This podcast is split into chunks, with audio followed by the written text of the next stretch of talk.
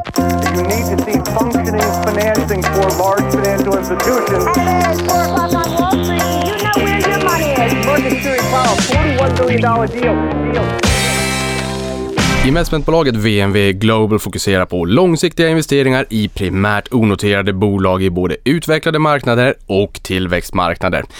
VNV har en opportunistisk approach och vill investera i bolag med affärsmodeller som bygger på nätverkseffekter och höga inträdesbarriärer. Den här typen av investeringar i tillväxtbolag har dock befunnit sig väldigt mycket i permafrost under snart ett års tid. Därför blir det extra intressant att få en uppdatering kring nuläget och vägen framåt.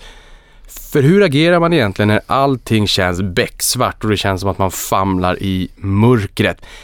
För ett år sedan ungefär, i augusti, så gästade VNV Global. Är det så att du inte har hört det avsnittet så rekommenderar jag att du börjar med det. Jag länkar det i beskrivningen här inunder. Det här blir fortsättningen, uppdateringen ett år senare. Det har som sagt onekligen hänt väldigt mycket. Med mig i studion har jag VD Per Brilliot. Varmt välkommen tillbaka! Tusen tack. Och du var ju faktiskt också med i Uppesittarkväll nyligen, vilket var väldigt roligt och uppskattat också av våra tittare. Hur, hur är läget? Det, det är bra tack, det tycker jag. Det är ju en lite speciell dag idag. När det här spelas in så är det den 21 september. Nytt årslägsta på Stockholmsbörsen vilket innebär en nedgång på 25,3 procent för OMXS30, 30 procent för breda Stockholmsbörsen, OMXSG då sin årshögsta. Och sen har det faktiskt vänt. Nu, är det, nu handlas det positivt idag. Vad är en dag? Men det är ändå intressant. Vad är din syn på börsen nu? Rejält stökig börs, dyngbörs.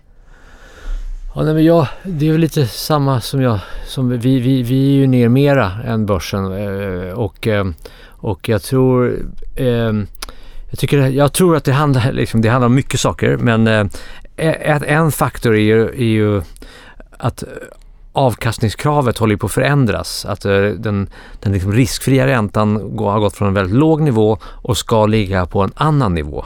Eh, och man vet inte exakt var den nivån eh, ska vara för de närmsta åren. Och, och, och, och den osäkerheten, den adderar en riskpremium på liksom avkastningskravet. Så avkastningskravet tror jag nu är liksom extremt högt. Eh, men när vi väl vet att inflationen kommer att ligga ungefär här, då vet vi vad tioåringen ska ligga och eh, då vet vi, då vet vi vad avkastningskravet blir igen. Eh, och så att, men, men den, jag tycker att man, det är lite skönt tycker jag ibland att fånga upp eh, vad det är för avkastningskrav som ligger i priserna på börsen på de olika investeringarna vi gör. Eh, och, eh, och sen så kvantifiera på det sättet. Därför det, det, det, det, är en väldigt, det är väldigt högt nu. Men det har att göra mycket med tror jag att vi inte, vi inte riktigt vet vad, det, vad ja, räntedelen av avkastningskravet ska balanseras ut. Ja men det där tycker jag är intressant att det är väldigt högt just nu för det känns någonstans som att jag visualiserar med en elefant framför mig i ett väldigt trångt glasrum fullt med finporslin. Det blir väldigt stökigt när den där elefanten ska vända sig om. Det mesta krossas. Nu ser vi ju att det, liksom, det är en skenande inflation även om jag tror att vi snart kommer att se det där rulla över. Men likväl, centralbankerna måste ju agera och ingen vet ju hur mycket de kommer behöva agera och väldigt många, antingen kommer man ihåg eller så har man läst sig till slutet på 70-talet, början på 80-talet när USA var tvungen att höja till 20% och knäcka ekonomin, det här Volcker moment. Är det det som skapar den här enorma osäkerheten på, på eh, riskpremien och den riskfria räntan nu? Att ingen vet vad toppnivån för räntan kommer vara innan centralbankerna utropar seger? Ja, något, något sånt. Och men, men, eh, och många faktorer, men skönt att hålla sig i en och det, det blir väl i slutändan inflation.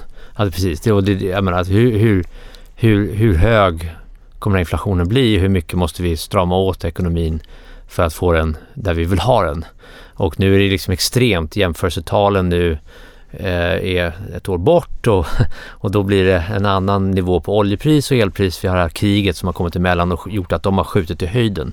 Så att liksom efter ett tag så får vi ju får vi mer normaliserade siffror. Och det blir, men det är otroligt nervöst ju när vi hela tiden får liksom, ser vi vad, vad, vad, vad det ligger på årstakt med de siffrorna som kommer. Men om det är att strama åt, och så att strama åt ekonomin, du tar bort likviditet, du höjer räntan, eh, du tar bort den här känslan av att vi är rika. Det är det som måste liksom bort. Eh, Aktiemarknad, bostadsmarknad. Ja, känslan av att the perception of wealth. Och den, men eh, en otroligt åstramande faktor är de facto bensin och elpriserna. Eh, vi märker av det till viss mån i Sverige men jämfört med Europa så är det ingenting.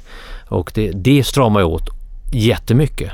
Eh, så att eh, det, det balanserar, det hjälper, ju, det hjälper ju centralbankerna också förstås. Eh, så att, eh, eh, ja. Och sen så är det avkastningskravet via tillväxt. Ekonomin, hur mycket, hur mycket, hur mycket tål den av, eller ekonomin eh, generellt och i världen, hur mycket tål den av åtstramning i form av höga energipriser och så vidare. Eh, och eh, Eh, ja, och sen det finns ju absolut risk för en, en eh, recession. Eh, och i en recession så, så börjar centralbankerna gå åt andra hållet så att på sätt och vis så måste ju liksom räntorna upp för att de ska kunna sänkas. Jag kan det för dåligt eh, men, eh, men, eh, men något i stil med att de 15 åren som var innan 2008 så hade vi räntor på en 4-5 procent. Eh, liksom, jag vet inte hur avkastning, liksom, hur yieldkurvan låg men liksom både kort och, och, och lång skulle jag tippa. Och det, I dollar, amerikanskt. Liksom. Eh, och, eh, så så att det, får det, det kan man väl beskriva som en ganska normala år. Och nu har vi haft väldigt onormala år. Så att eh, tillbaks till normalt så kan man sen hjälpa ekonomin, konjunkturcykeln på upp och nersidan. Ja, och jag tycker någonstans, eh, det jag tyckte var lite eh, intressant kring senaste inflationssiffran som kom in på 9% i Sverige är ju att em, där såg vi oljepriset fortsätter ju att, att driva, kanske inte lika mycket men ändå. Och jämfört med augusti 2021 så är dollarpriset upp 30 Mm. Men jämfört med toppen 2022 i mars så är det ner 30 procent. Mm. Vilket också kommer komma in i rullarna tids nog. Och sen var det energipriserna som drev jättemycket. Men det känns, era bolag är ju mer åt konsumenthållet Ja. och påverkas de lika mycket Nej. av de stigande energipriserna även om plånböckerna tunnas ut? Ja, men nej, nej, men jag skulle säga att liksom, våra bolag är nästan countercyclical. De, är, de går nästan bättre i dåliga tider eh, än i bra tider. De är det, eh, eh, så att vad det gäller konjunkturpåverkan så är det nästan Ja, nästan kontra. alltså vi, vi, vi, vi kontracykliska. Men det som är, påverkar oss, det är avkastningskravet. Så våra bolag är ju överlag long duration assets. Det är det att liksom intäkterna och, eller vinsterna är, är, är flera år bort. Eh, det är olika från olika bolag. Men eh, rent matematiskt så höjer avkastningskravet på tillgångar som har ja, kupongerna långt i framtiden. Eh, Då, då, då så får du ju mer effekt. Både på när avkastningskravet går upp så ska de ner mera. och När avkastningskravet går ner så ska våra grejer upp. Så, att, eh, så det är liksom i form av avkastningskravet. Det är därför jag ofta hamnar i det som är den viktigaste påverkan på oss just nu. Men jag blir lite nyfiken på det här avkastningskravet. Är det osäkerheten som skapar en rejäl volatilitet i avkastningskravet när ingen vet vad som blir det nya normala? Det, Ja. det, Ja, ja precis. och det låter som på dig att, att det snarast är kanske en tailwind snarare än en headwind avkastningskravet. Att det snarast kanske kommer ner än att det stiger dramatiskt härifrån. Åt det hållet va, för att vi har räntedelen av avkastningskravet har kanske gått från 1% och det ska gå till kanske 4%. Så den ska ju upp, avkastningskravet ska upp. Men nu kanske avkast, nu, kan, nu riskpremium har hamnat, gjort att avkastningskravet från där vi är nu ska ner. För att när riskpremien försvinner, när vi vet vad räntedelen är, så, så, så kommer det att försvinna. Så att, eh, och då, då tror jag att då vi, vi aktieinvesterare överlag, vi, eh, börsen helt enkelt, vi, vi gillar ju tillväxt. Just nu hatar vi tillväxt för att vi vet inte vad avkastningskravet är. Vi fokuserar bara på cash just nu, lönsamhet.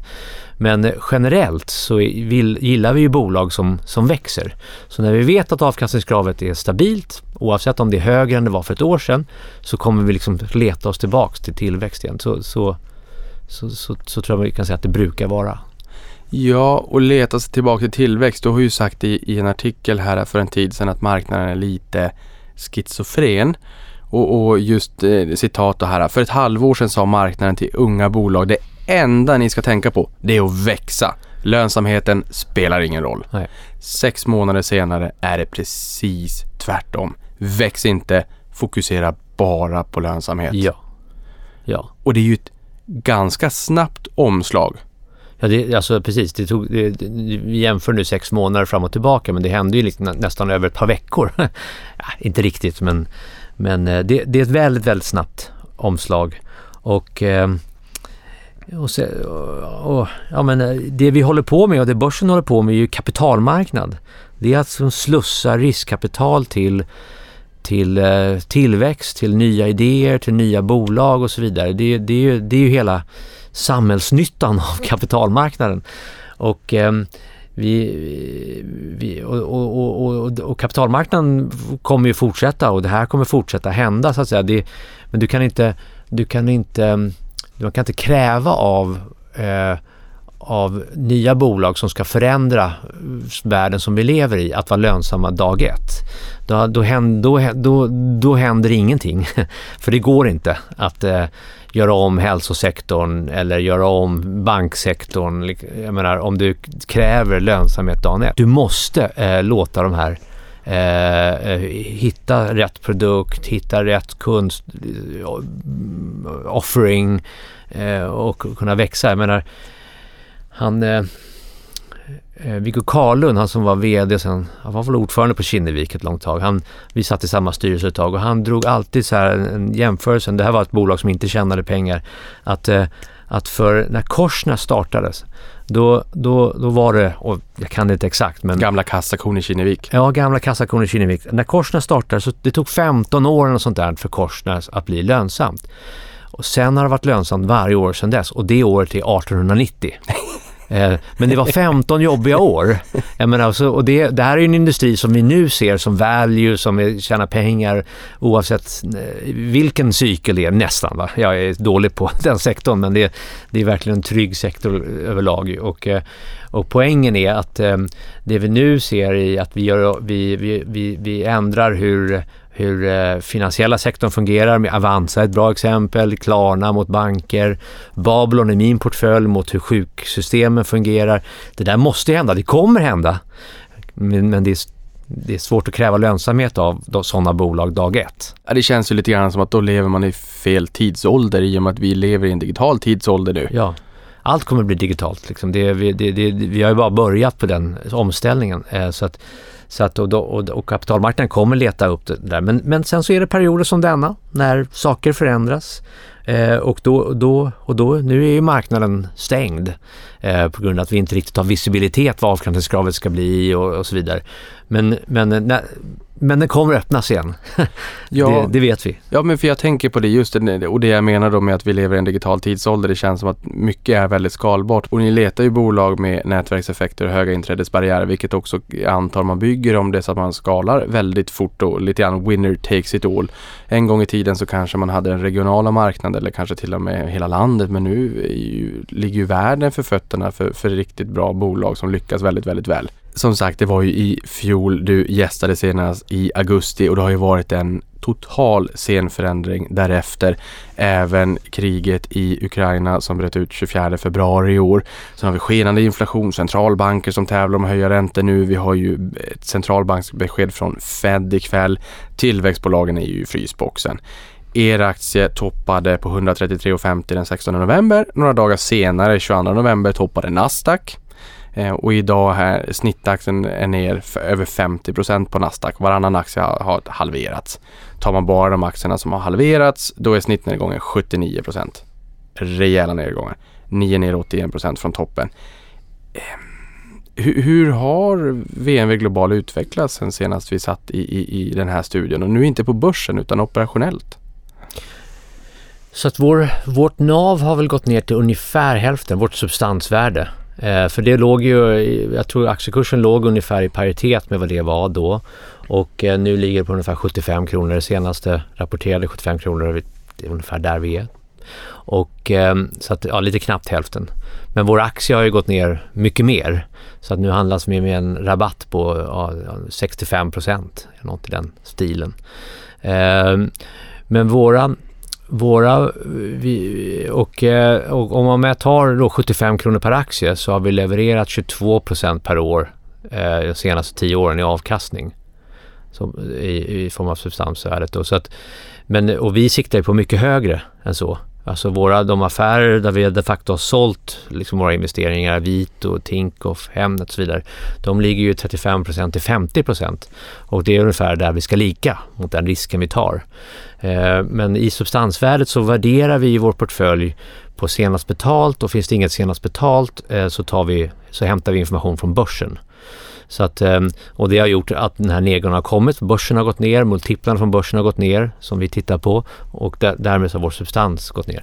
Men vi kommer inte liksom sälja våra bolag här utan för vi siktar på ett mycket högre avkastning. Vi tror på potentialen att den finns kvar och eh, vi har också lyxen att vara ett svenskt investmentbolag eh, med permanent kapital som jag tror är så oerhört viktigt i investeringar generellt, att det är långsiktigt men och är ännu mer viktigt i det, det segmentet av kapitalmarknaden som vi agerar i, att man, har, man tillåts ha tålamod jag tror det är lite farligt med DC-industrin som är fantastiska personer och jag har kollegor och kompisar där och de, jag har mycket respekt för dem. Men den strukturen gör ju ändå att man måste sälja efter ett tag. Man måste sälja för man måste stänga fonden. Fonden ska stängas.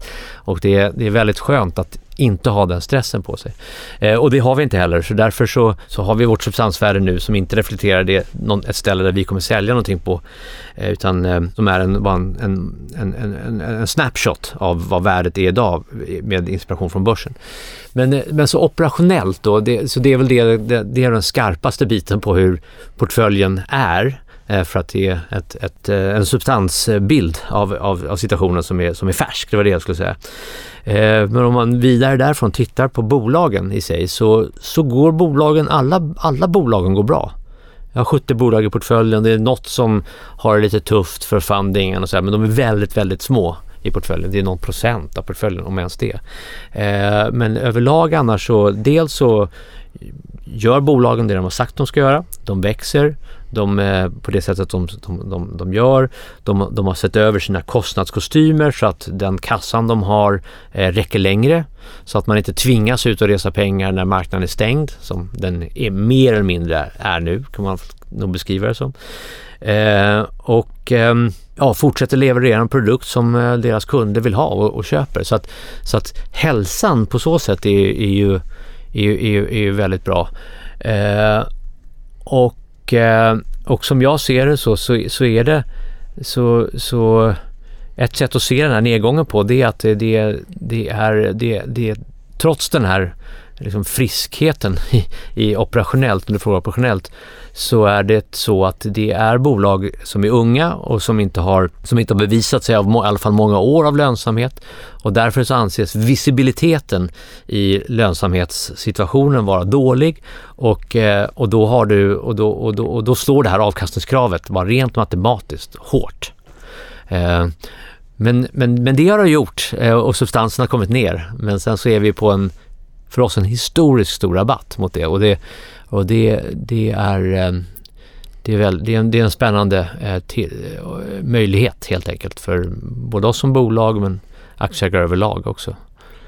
Ja, för i, jag menar, ni, i senaste rapporten så skrev ni att ni har då en historisk hög substansrabatt om 68 procent.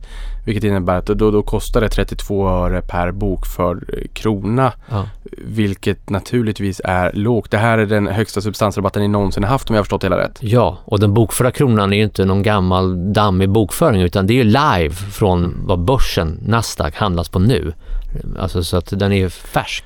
Men varför har ni den högsta substansrabatten av samtliga kollegor där ute som också är inne och tassar på det här området med lite mindre, lite yngre onoterade bolag. Jag tänker ett Kinnevik har lite större bolag och sen har ju de Tele2 som en kassako också. Så det är ju kanske ett lite annat djur. Men andra mm. kollegor i sektorn då? Var, ja, jag tror, du är rätt inne på det där. Jag tror att dels så är det som Kinnevik till exempel, att det, eh, att det, det, det är två delar på det. Dels så är det um, eh, bolagen i sig och Kinneviks portfölj är ju mer mogen än vår. Mm, mm. Vi, vi, generellt, vi opererar ju, vi är ju, vi är ju partners med varandra i, fler, i flera bolag. Men eh, eh, men generellt så är deras portfölj mer mogen. Vi tar mer risk. Vi går in med tidigare bolag, de, de går in lite senare. Vi, vi är med och grundar bolag och de kommer in senare. Så, att, så, att, så att det är en faktor. Att, eh, att eh, riskfaktorn mer risk, längre duration assets, förlåt svengelskan, eh, får mer pisk nu än mindre risk och där du, där du kanske redan är lönsam. Just det. Det är en sak. Och den andra tror jag är det finansiella. Att eh, har du en kassako så, har du väl, så är det väldigt enkelt att se att du har eh, kassa att, eh, att eh, finansiera de bolagen som inte eh, är lönsamma ännu, som måste ha liksom, framtida finansiering. Och det har inte jag. Eh, det jag har dock det är att jag har pengar på banken. Mm. och jag har, ett, jag har, som jag skrev om i senaste rapporten också, så har vi ett kapitalbehov, ja, i, i våra portföljbolag. Men jag har en kassa som är som är mycket, mycket större än det. Så att jag, jag, har, jag har kapacitet att, att uh, hjälpa de bolagen som behöver, fortfarande behöver funding. Men, men jag tror det är de två faktorerna som är, det är ingen riktigt av våra kollegor där ute som har den, den strukturen på portföljen som är väldigt tung då mot uh, tidig fas. Nej, och jag tycker att det är en ganska viktig distinktion mm. också att, att som lyssnare vara eh, medveten om.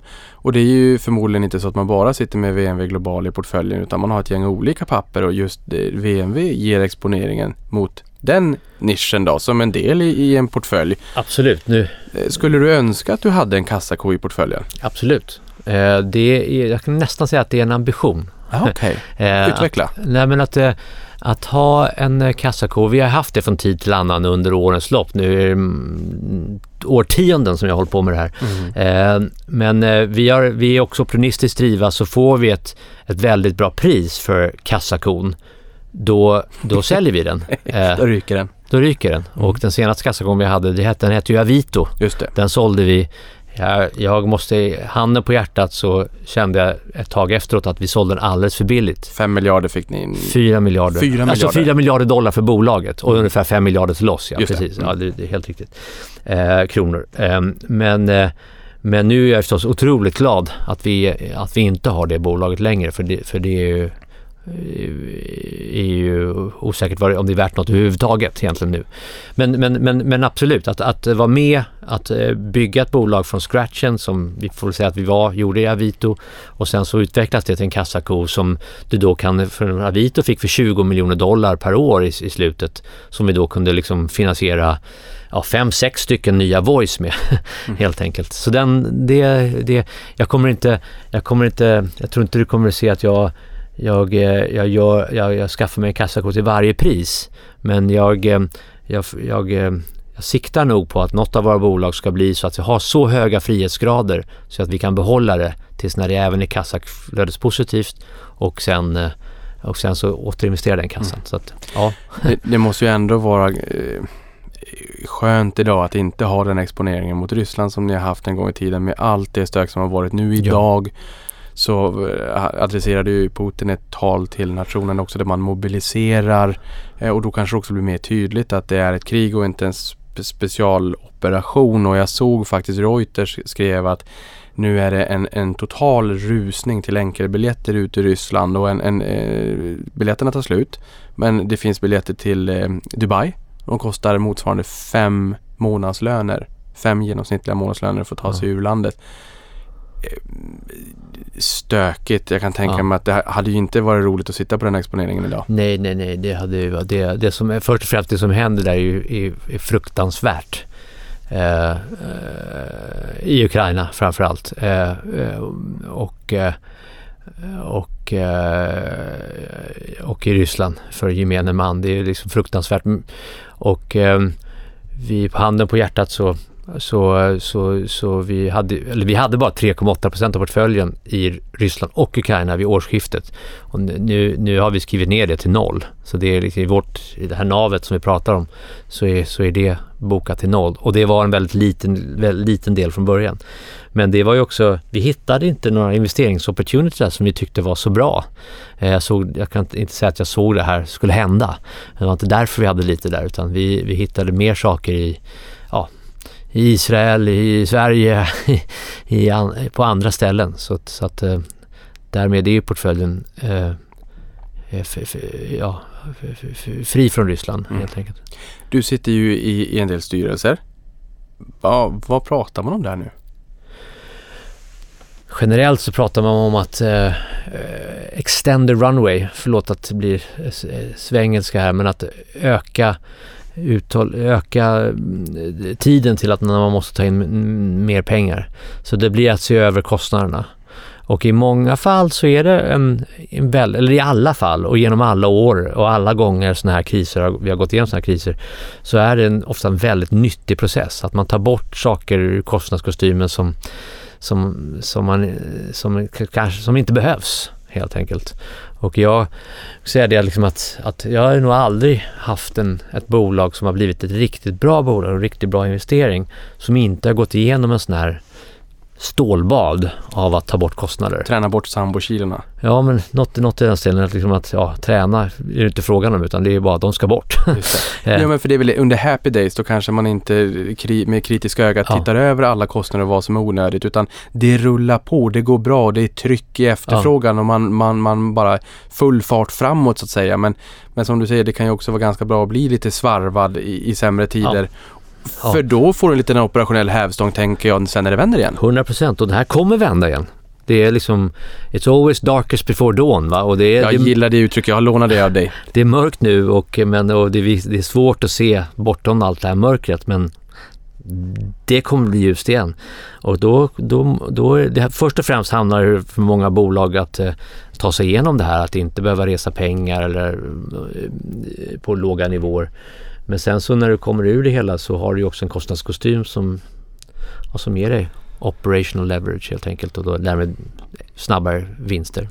Ja, vi ska också säga med den här svengelskan att eh, long duration assets som du pratar om där också med, med ja, men lite grann hellre en fågel i handen än tio i skogen och att många nu favoriserar Ja. bolag med, med, med, med goda kassaflöden och god vinst idag. Gärna en trevlig utdelning som en finansiell snuttefilt snarare än ett fantastiskt bolag med en fantastisk digital produkt kanske med en jättestark nätverkseffekt men där vinsterna kommer om 3, 4, 5 år fram i tiden. Ja.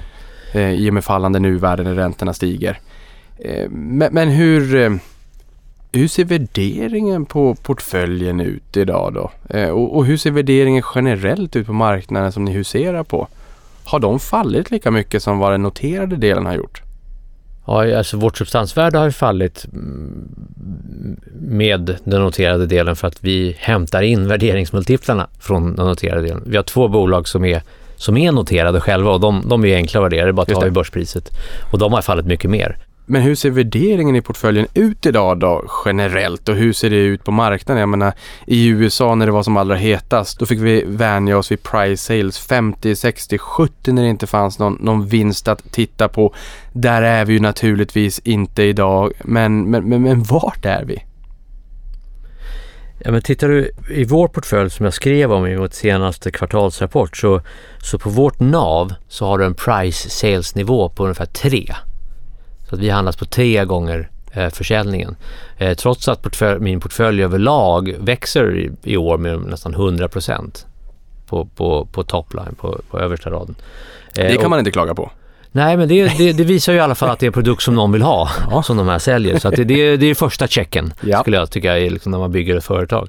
Eh, och, eh, men, och sen så tittar du då, justerar du det och ser vad, när du köper vår aktie idag så är, då är det ju på price to sales på 1. Eh, och eh, och, och det, det, det är lågt. Men om man... Eh, och, och, och vi har, och, och price sales 1, alltså bara så att lyssnarna är med här, det är för att det är så kraftig substansrabatt. Ja, precis. Mm. Så det vi handlas på 65% rabatt och då blir det så. Så att det liksom, du, man kommer in på börsvärdet dividerat med försäljningen på, på ett. Och, eh, och ut, utöver det, jag menar, om, om man sen tittar då på lönsamheten så idag så, så, så är det en stor del av portföljen som inte ännu är lönsam men de har inte så långt bort till lönsamhet. Så att jag håller på liksom att räkna nu och, och eh, orkar du titta en tre år bort eh, när vi är på 2025 och jag, eller jag tittar på vår portfölj eh, då, då har stora delar av min portfölj blivit lönsam. Och trots att jag kommer att ha en del som inte är lönsamma då Eh, så, så tror jag att vi ser ungefär en, en, en price, alltså på mitt, på mitt börsvärde idag i alla fall, på en eh, P-tal i storleksordningen 5. Så att, eh, jag menar, och, och, och som fortfarande då 2025 har en enorm tillväxt framför sig. Eh, så att det är en normal marknad, normalt avkastningskrav, högre än det var för ett år sedan, så tror jag att den här typen av tillväxtbolag i en sån miljö kommer Ja, men de kommer inte handlas på ett P på 5. Nej, och då är det ju inte P5 för att man är verksamma i länder med jättehög geopolitisk risk. Nej, det här är USA, Mm. Sverige, Mm. Israel, England, Frankrike, Europa. Eh, Så att, eh, jag menar, vi har viss portfölj också i Egypten och, och så vidare, men, men, eh, men, men framförallt är det, är det i etablerade, utvecklade länder, om man, om man kan använda det uttrycket nu. Ja. Men, men jag tycker att det här är jättespännande för som du sa här lite grann med marknaden blivit lite schizofren från att det här tillväxt till varje pris, väx, väx, väx till att nu är det bara fokus på, på lönsamhet och hålla igen kassan och hålla igen kostnaderna. Det, det har ju länge varit en, en diskussion kring, speciellt i USA, när värderingarna skenade iväg rejält. Finns det en path to profitability eller inte? Alltså finns det en utstakad Mm. väg till att ni i inte allt för långt bort framtid då eh, faktiskt ser att vinsten trillar ner på sista raden. Eh, och det tror jag att väldigt många lyssnare här är väldigt nyfikna kring. Och du sa runt 2024 så är det ganska många bolag som kommer i mål och så sakteligen börjar Ja, nå de, den ganska fina milstolpen. just det. Nej, men, och, och 25 då som jag har 25. Mm. lite räknat på. Jag, vi- vi brukar titta fem år ut men jag, jag tror man behöver titta till ett, eh, ja, mer tre år ut då för att, för att, eh, för att du har nere på P-tal även på substansnivå men om du också justerar för rabatt är nere på nivåer som är jag menar, jag menar vi, det, det, ja, du, du, vi, för att det där ska vara rätt pris då så måste det ju så, så måste vi tro på att det är en Ja, vi har bolåneräntor på 20 procent här egentligen. Och det, det, det, det, det, det kommer inte hända. Jag, tycker att det är så intressant det du säger att operationellt så går det bra för bolagen och att hushållen fortsätter att efterfråga den här typen av produkter. Men att det finansiellt ser vi att riskpremien stiger väldigt mycket, inte minst på grund av den riskfria räntan då som, som har stigit ganska kraftigt. Någonstans tänker jag mig också när allting lugnar sig, inflationen och centralbankerna lyfter på, på foten från räntebromsen och kriget får sig en, en upplösning och, och, och kommer till ända etc. Nedstängningen av Kina och allt vad det är så ska ju rimligtvis riskpremien ner. Ja, här så sa du ju i senaste rapporten att frånvaron av lönsamhet skadar värderingen i tider som dessa. Det har vi varit in på nu. Och för att påskynda vägen till lönsamhet så har ni uppmuntrat och uppmanat portföljbolagen att sänka kostnaderna och förlänga livslängden på nuvarande kassa. Det har vi också varit in på att försöka liksom håll lite tätt bakåt, spara lite i ladorna, se till att ni klarar er lite längre på de slantarna ni har då. Um, men innebär det att de flesta kommer att klara sig till 2024, 2025? För ni har ju ändå öronmärkt en del pengar för att kunna ta eran prorata-andel om bolagen behöver ta in mer finansiering. Är det många som är nära på att behöva ta in mer pengar? Ah, inte många skulle jag säga av våra 70 bolag, men några stycken. Eh, några kommer ta in pengar nu och vi står beredda och vi hjälper dem med det. Eh, och, ehm, och, eh, men, men sen har vi Eh, sen, eh, och så, eh, och så ja, det är no, no, så några nu i närtid liksom, och, det, och det är vi helt förberedda för och, och bolagen också. Eh, men sen så kommer någonting kommer hända. Så att de här, när jag, jag har sagt 40 miljoner dollar, då har jag tagit i lite grann för att ja, det, det, någonting går fel någonstans förstås och så, så måste man liksom utvärdera om man ska vara med och finansiera men jag utgår från att jag, det är inget bolag som nu ser ut som att det går så dåligt eller eh, har förändrats så mycket så att vi inte vill vara med. Eh, och då får man vara beredd för det. Eh, Men då låter det som att de här 40 miljoner dollarna, där har ni ändå tagit i så att det finns en viss marginal. ja, absolut. För om jag förstår det hela rätt, rätt om jag har fel, så har ni 117 miljoner US-dollar i slutet på förra kvartalet att, eh, att använda. Eh, och det är ungefär en tredjedel av det då som, som kan behövas öronmärkt. Vi gillar ju mental bokföring, vi alla. Så att man sätter inte en post-it-lapp, barnsparande, pensionssparande. I det här fallet så är det finansiering till våra befintliga innehav fram till profitability Just det. kan man säga. Ja. Sen har ni en hel del pengar kvar också.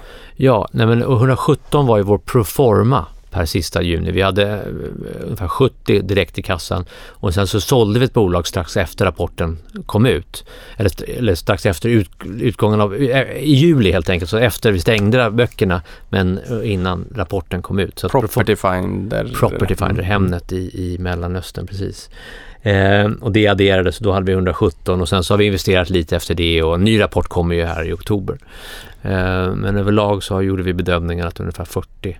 Men sen, så det lämnar ju massa pengar kvar men eh, sen så har jag ju skuld också. Så jag har en skuld utestående. Eh, den löper dock hela vägen till början av 2025 och den löper till 5% fast ränta i kronor. Eh, så att det, det eh, men ehm, den är också, jag, jag, ser att mellan nu och 2025 så har jag en, en, en hel del i portföljen som inte kommer vara kvar, som jag kommer ha sålt. Eh, så att jag är inte jag är inte orolig för att vi kommer att, portfölj, att med kassan vi har plus de, det som jag ser är, är försäljningar i portföljen så kommer vi ha pengar att betala tillbaks den eh, skulden. Eh, och eh, 2025 så att det, det finns ingen, jag, jag, den finansiella risken kring vår skuldsättning är, är låg skulle jag säga. Och har ni kommunicerat någonting kring vilka bolag som är på den shortlisten? Nej, för det, det är ingenting gjort först det är gjort. Eh, men vi har Jobbigt ett, att veta att man är det bolaget. Det, det, det vet de. De är en okay. mogen fas. Det är, en, det, är en, det är helt, väldigt naturligt. Ingen dramatik? Ingen dramatik. Okay. Det har ju varit väldigt mycket diskussion kring eh, kapitalstrukturen senaste tiden. Inte minst när det kommer till fastighetsbolag. Och, och beroende på om man har finansier, finansierat sig via företagsobligationsmarknad eller om man har traditionell bankfinansiering. Hur, du säger att ni har utestående skuld till 2025, 5 procents ränta. Och det antar jag att det eh, är ju inte jättekul att beta av den även om det är 5 procent med tanke på den, den, den liksom förväntade avkastningen ni har på era investeringar då såklart. Eh, även om det nu är surt. Men jag antar att det nu också finns panglägen för den som är aktiv. Ehm, hur är den här slanten eh, finansierad och hur mycket pengar rör det sig om? Alltså när vi har en utestående obligation som handlas här på börsen, på Stockholmsbörsen eh, och den, eh, den, eh, den, klipp, den klipper en 5 i kupong eh, per år. Eh, så, att, eh, eh, vi, så vi har använt eh, obligationsmarknaden eh, under, från och till under ganska många år. Vår finansiella strategi är att inte ha någon skuld. Men vi tillåter oss ha skuld som en, en brygga till en exit. Eh, och, eh, och det är, i såna, det, det, är mot den bakgrunden som, som vi också har den här skulden. Att vi hade ett antal bolag som blev noterade. Vi hade ett antal bolag som, eh, och som, som vi också har sålt vid, efter notering eh, och som, som är i den här exitfasen. Men, men vi, vi tycker att vi överlag så ja, speglat i vår finansiella strategi så, ska, så, är, så är den verksamheten vi bedriver ska inte vara belånad. Utan vi, vi, vi tar nog med risk i, i det liksom investeringsarbetet vi gör. Just det. Ja, du kanske till och med sa att det handlade om en obligation där tidigare farbror har börjat bli lite gammal. Men, men alltså, alltså jag då. att du inte tror att jag menar dig. Om jag är dubbelt så gammal som du är. ja, exakt. Men, men okej, okay, ni vill inte ha belåning i normala fall.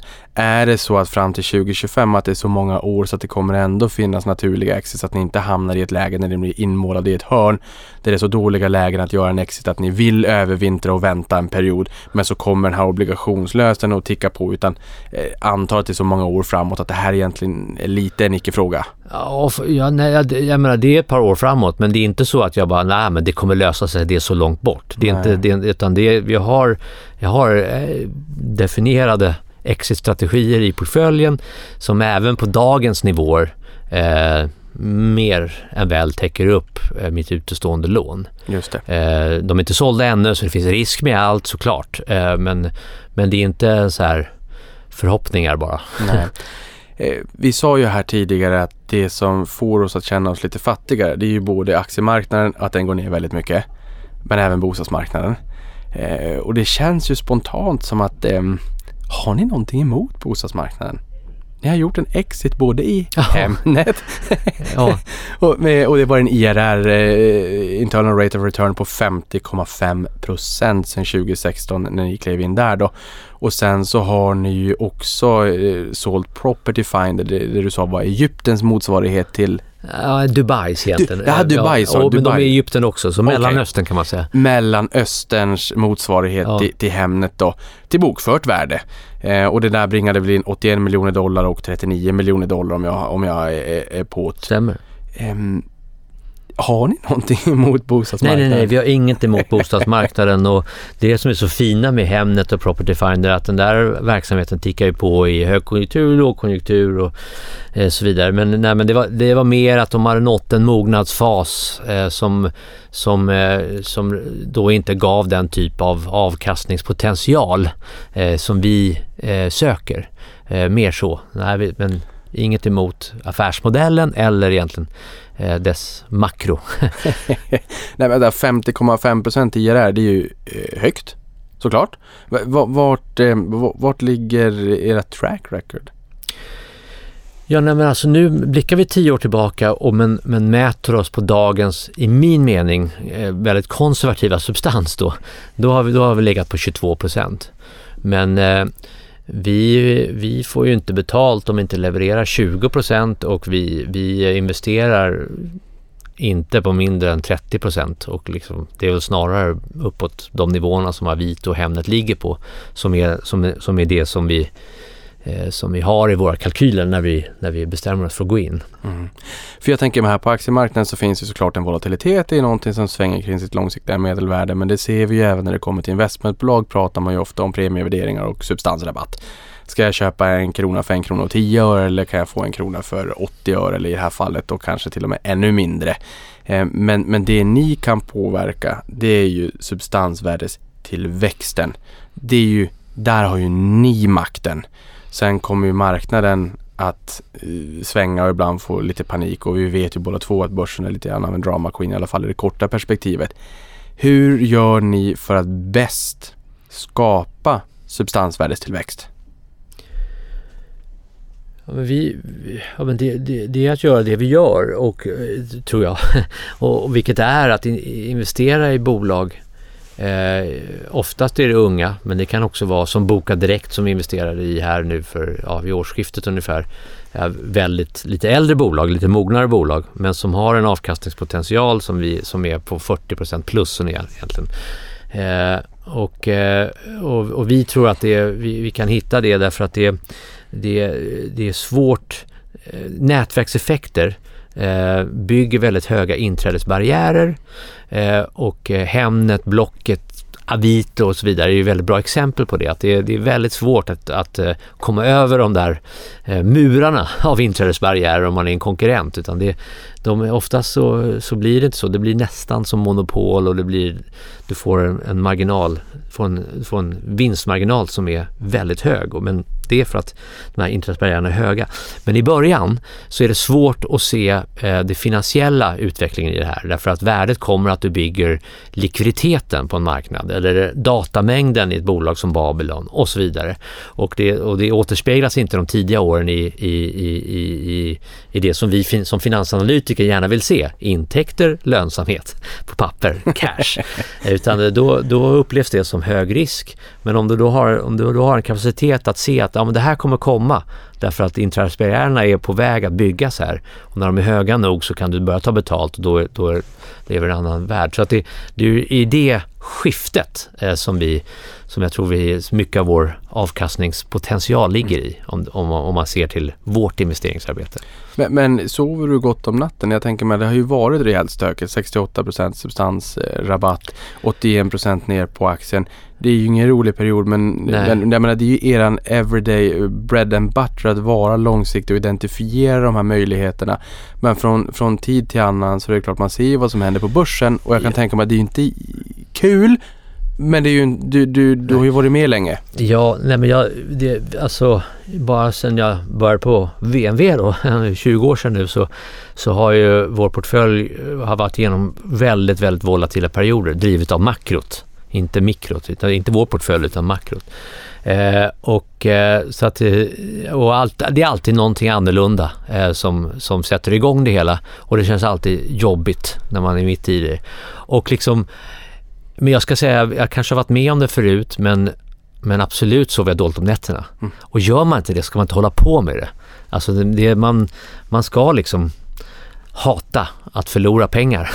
Man, man är ju här för att göra, ge våra aktieägare en avkastning. Så att, eh, så att det, jag tycker det är, är superjobbigt. Men, eh, men jag har också jag har sett det förut. Det, liksom det, det kommer, det här, det är mörkast nu. Det kommer bli ljusare.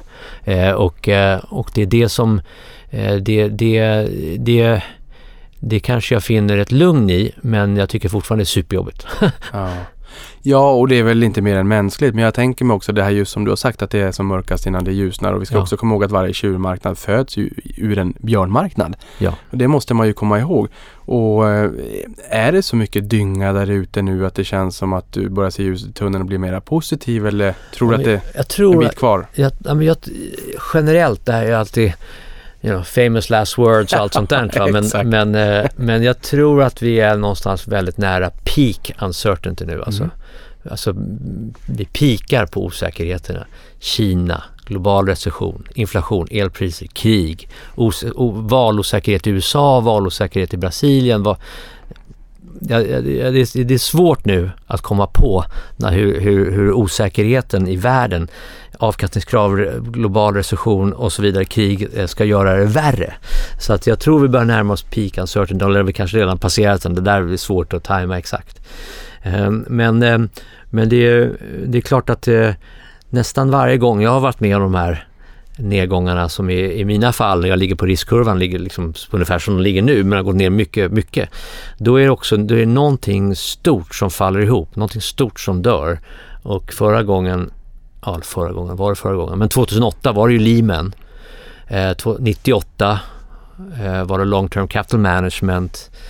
Eh, vad är det nu? Och Nobelpristagare ska vi också komma ihåg. Ja, då- Även ja, skarpa men- hjärnor ja, absolut, absolut. Nej, men det är, det, är någon, det är någon som man brukar säga, det är någon val som kommer liksom flyta upp här till ytan som man, som man inte riktigt visste var död förrän den flöt upp.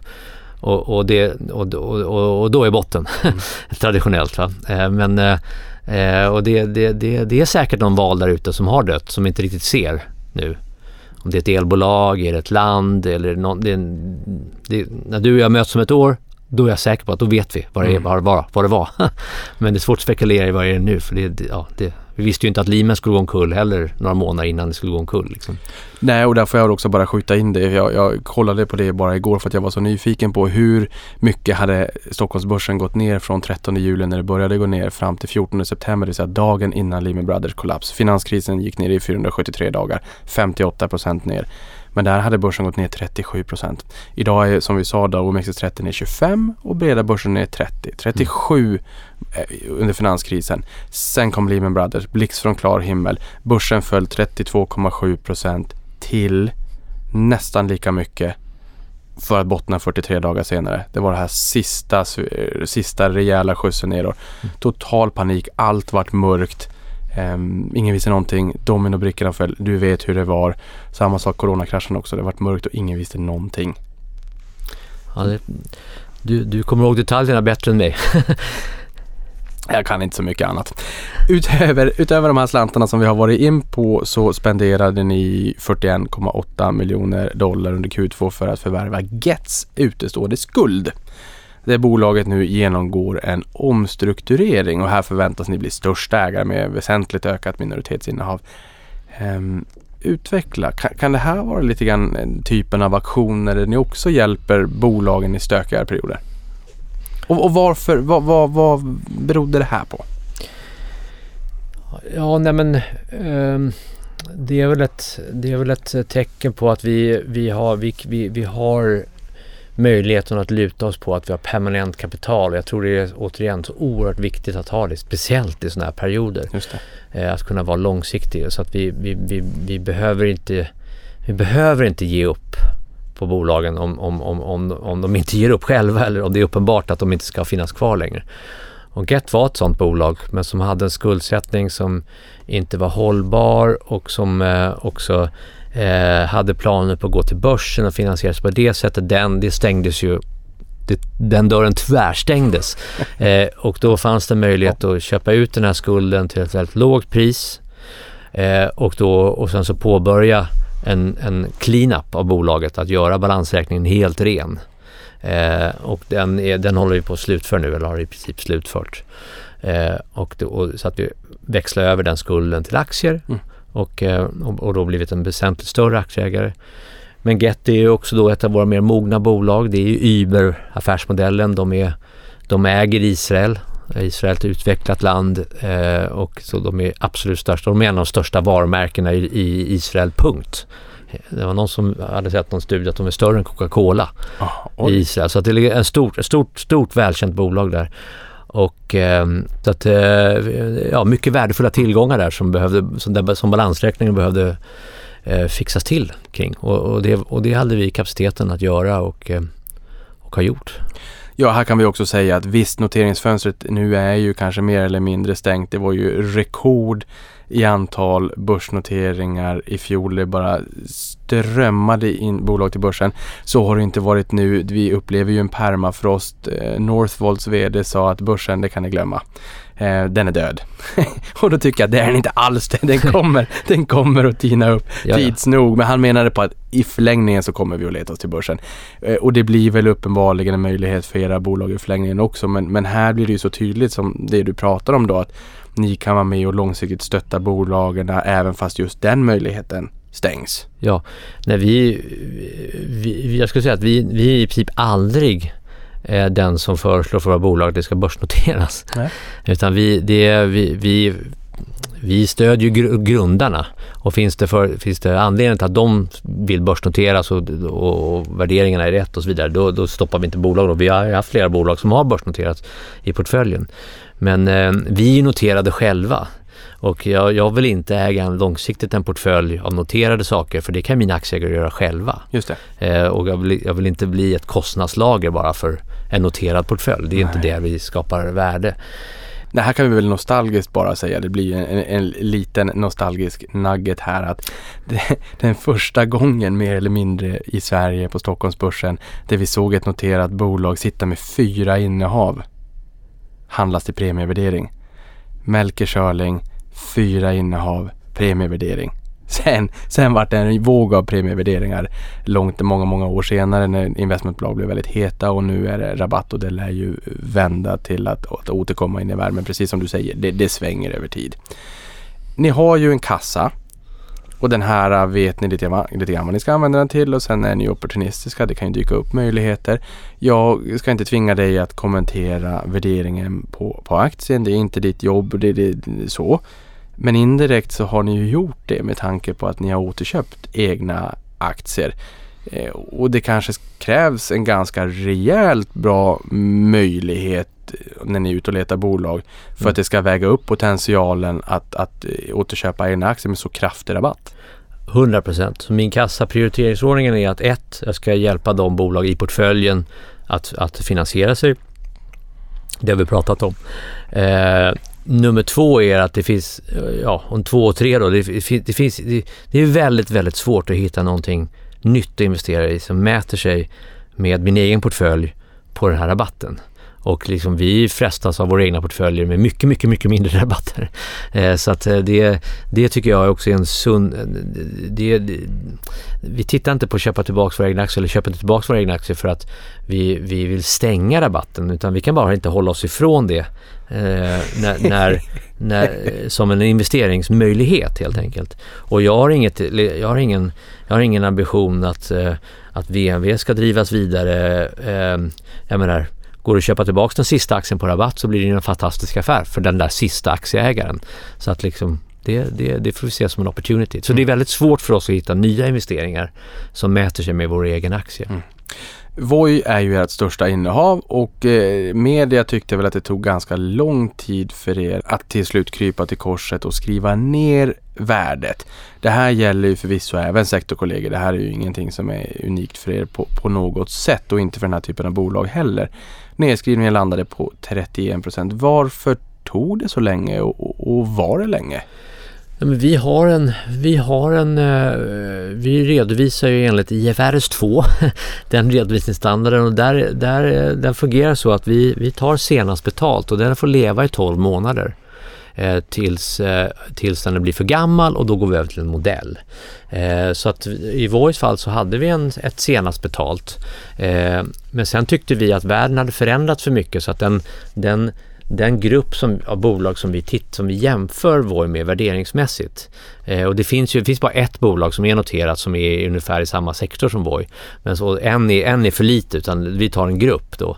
Eh, så att eh, när den hade, när multiplarna på den hade gått ner så pass mycket för att börsen hade gått ner, eh, börsen hade drivit dem ner, då bestämdes för att ja, men det här, då, då, vi, vi behöver skriva ner Voi. Eh, till de här bolagens multiplar. Eh, och då gjorde vi det. Så skrev vi ner den 30 procent.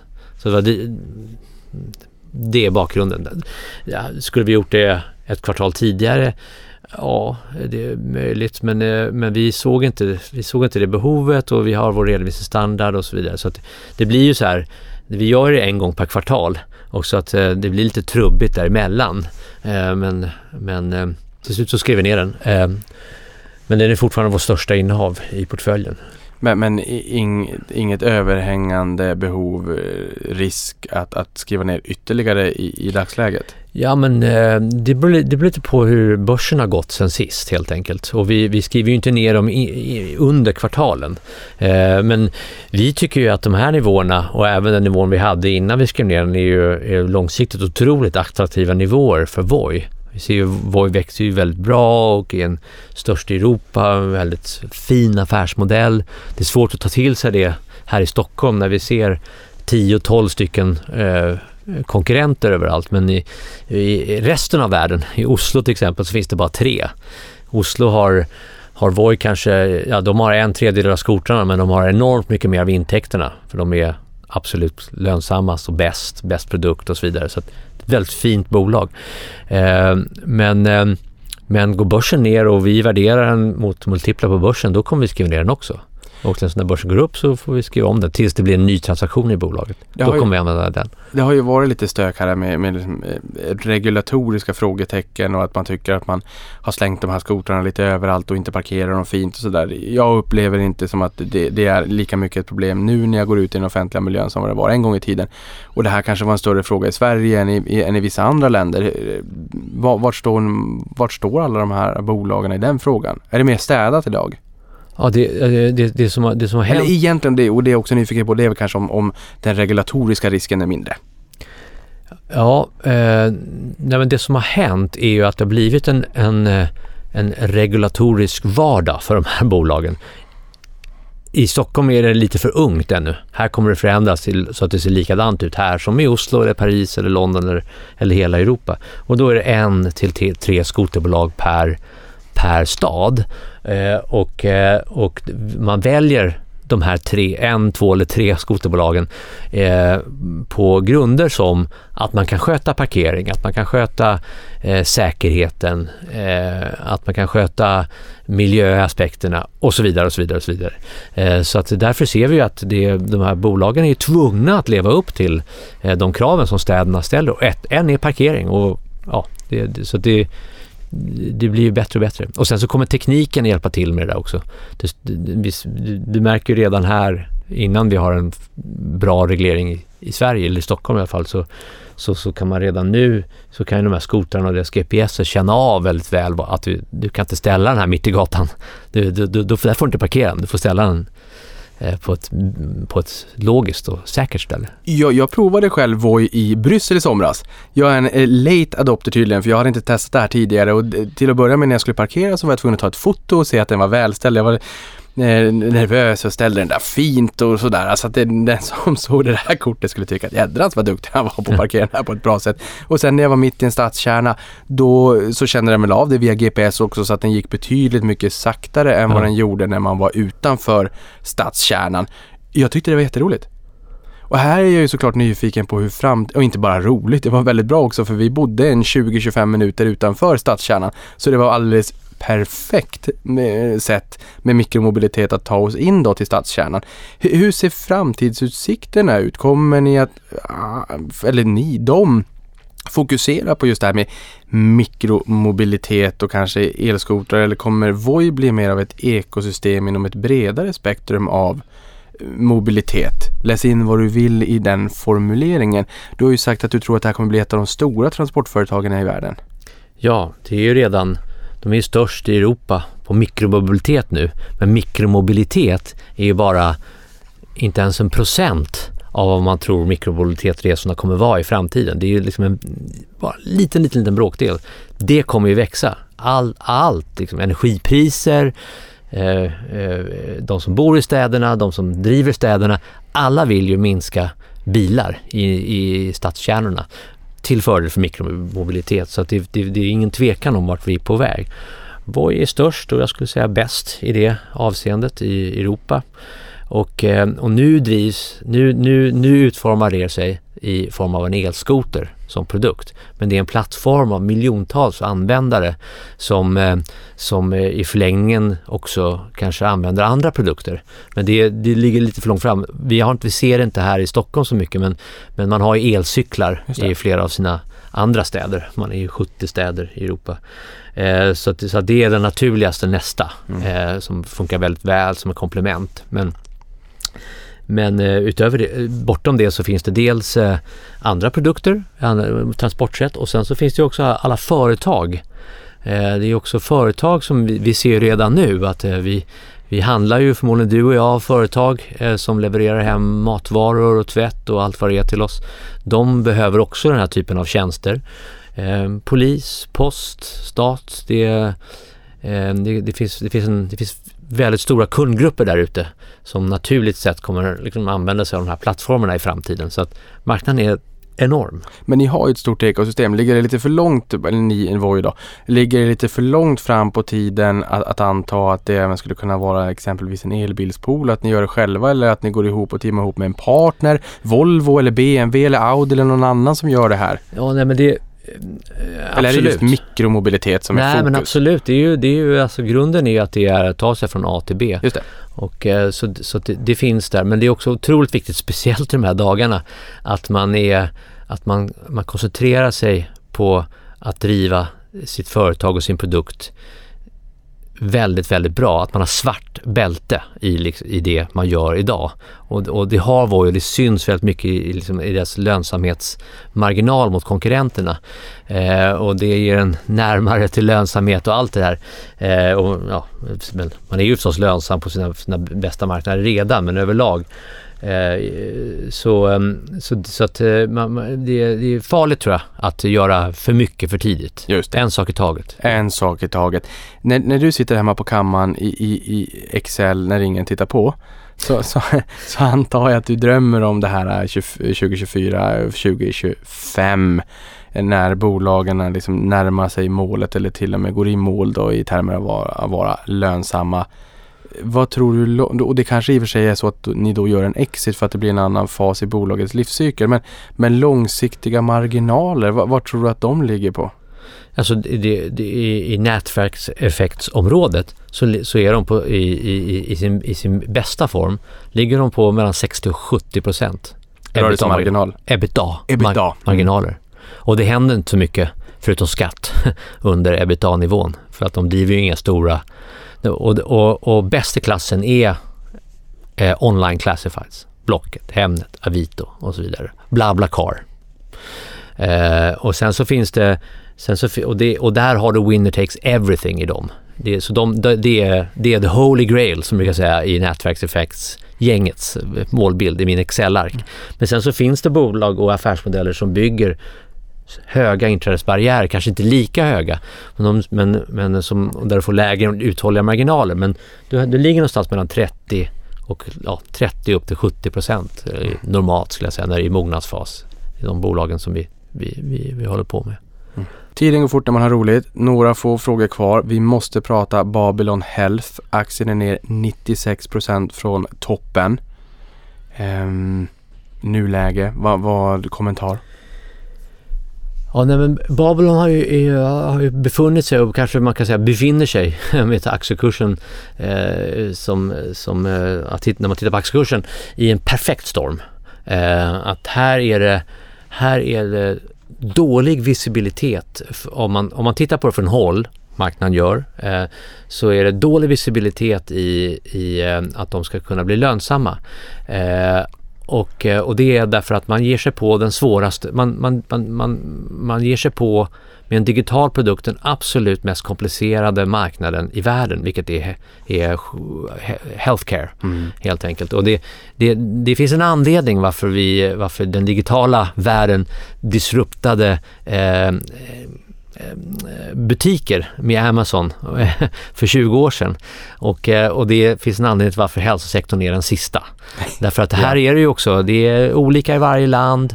Det är, om du skickar en skjorta hem eller en bok hem och det blir fel bok, du skickar tillbaka den, det är inte så farligt. Här är det ju att du ska bedöma eh, vad det är för sjukdom och ställa en diagnos. Det får inte bli fel. Eh, så att det, det finns en anledning. Men, men, det, men, men det gör också att eh, det är ingen som har gjort det förut. Babylon ligger absolut längst fram eh, och vi kan inte titta på någon annan som har gjort det förut och så här kommer det se ut när det är klart och så vidare. Så att, så att det känns läskigt och då får det mest effekt också när avkastningskravet återigen är så här volatilt.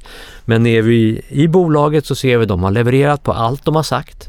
De har hamnat i kläm vad det gäller det finansiella eh, och eh, deras notering vi skedde ju via en SPAC kom inga pengar in i den noteringen från spacken. Eh, så de kom direkt in i en finansiell knipa och det, att vara i finansiell knipa har ju, har ju verkligen eh, vad är någonting som börsen avskyr idag när vi vill ha lönsamhet fort. Men, men bolaget har starka ägare och bolaget har en, en eh, eh, ja, också gett sig på sin kostnadskostym. Eh, och eh, så att, så att eh, har väldigt bra förutsättningar tycker jag.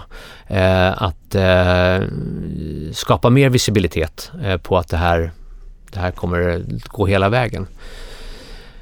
Så att, ehm, så att jag är, är väldigt entusiastisk över det och eh, jag hade ju, jag, jag menar så här med facit i hand så aktien noterades på 10, nu står den i 70 cent eller 60 cent någonstans där.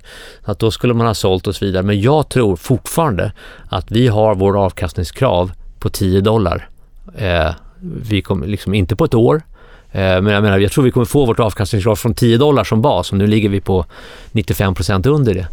Eh, så att, eh, men eh, det, det, det, det kräver en del saker kring bolaget och eh, ja, jag är styrelsen, det är ett noterat bolag i USA. Det här är det bolag kanske jag minst ska eh, prata om. Eh, för att det blir, det restriktivt för man får dela med sig.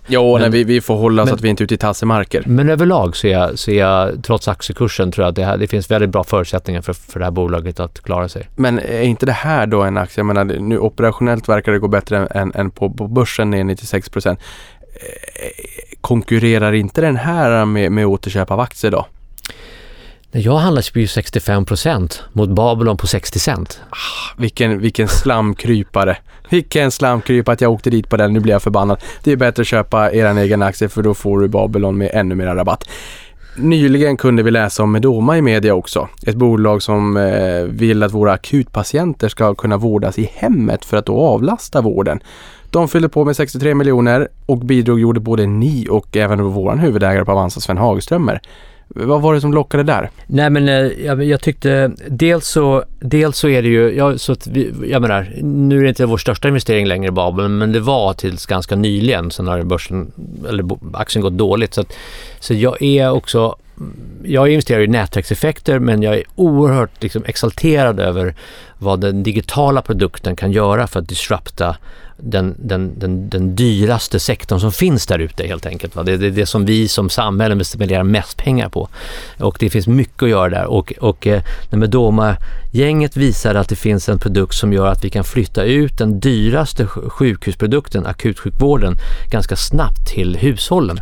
Eh, så, så är det ju liksom en, en eh, fantastiskt stor marknad. Så att det är kopplat med eh, det här grundargänget som jag tyckte verkligen har en energi och en bakgrund som är, som, som, eh, som är ovanlig eh, gjorde att det var ganska lätt att, eh, att vara med och, och ge dem riskkapital. Sista frågan. Det vankas ju kapitalmarknadsdag i New York här om några dagar. Ehm, kommer ni fokusera på något speciellt där och vad, är den vanligaste frågorna just nu från investerarkollektivet? Vanligaste frågan är de vi har pratat om som du har frågat mig om. Men lönsamhet, Eh, när, när kommer den? Hur kan du skära kostnaderna? Hur, hur länge har du pengar för? Och, och så vidare. och Så vidare. Så det är säkert de, de som kommer fråga. De det är de frågorna som kommer. Eh, vi, eh, vi, alla våra största bolag är med. Eh, från Babylon till Voi till BlaBlaCar och några till.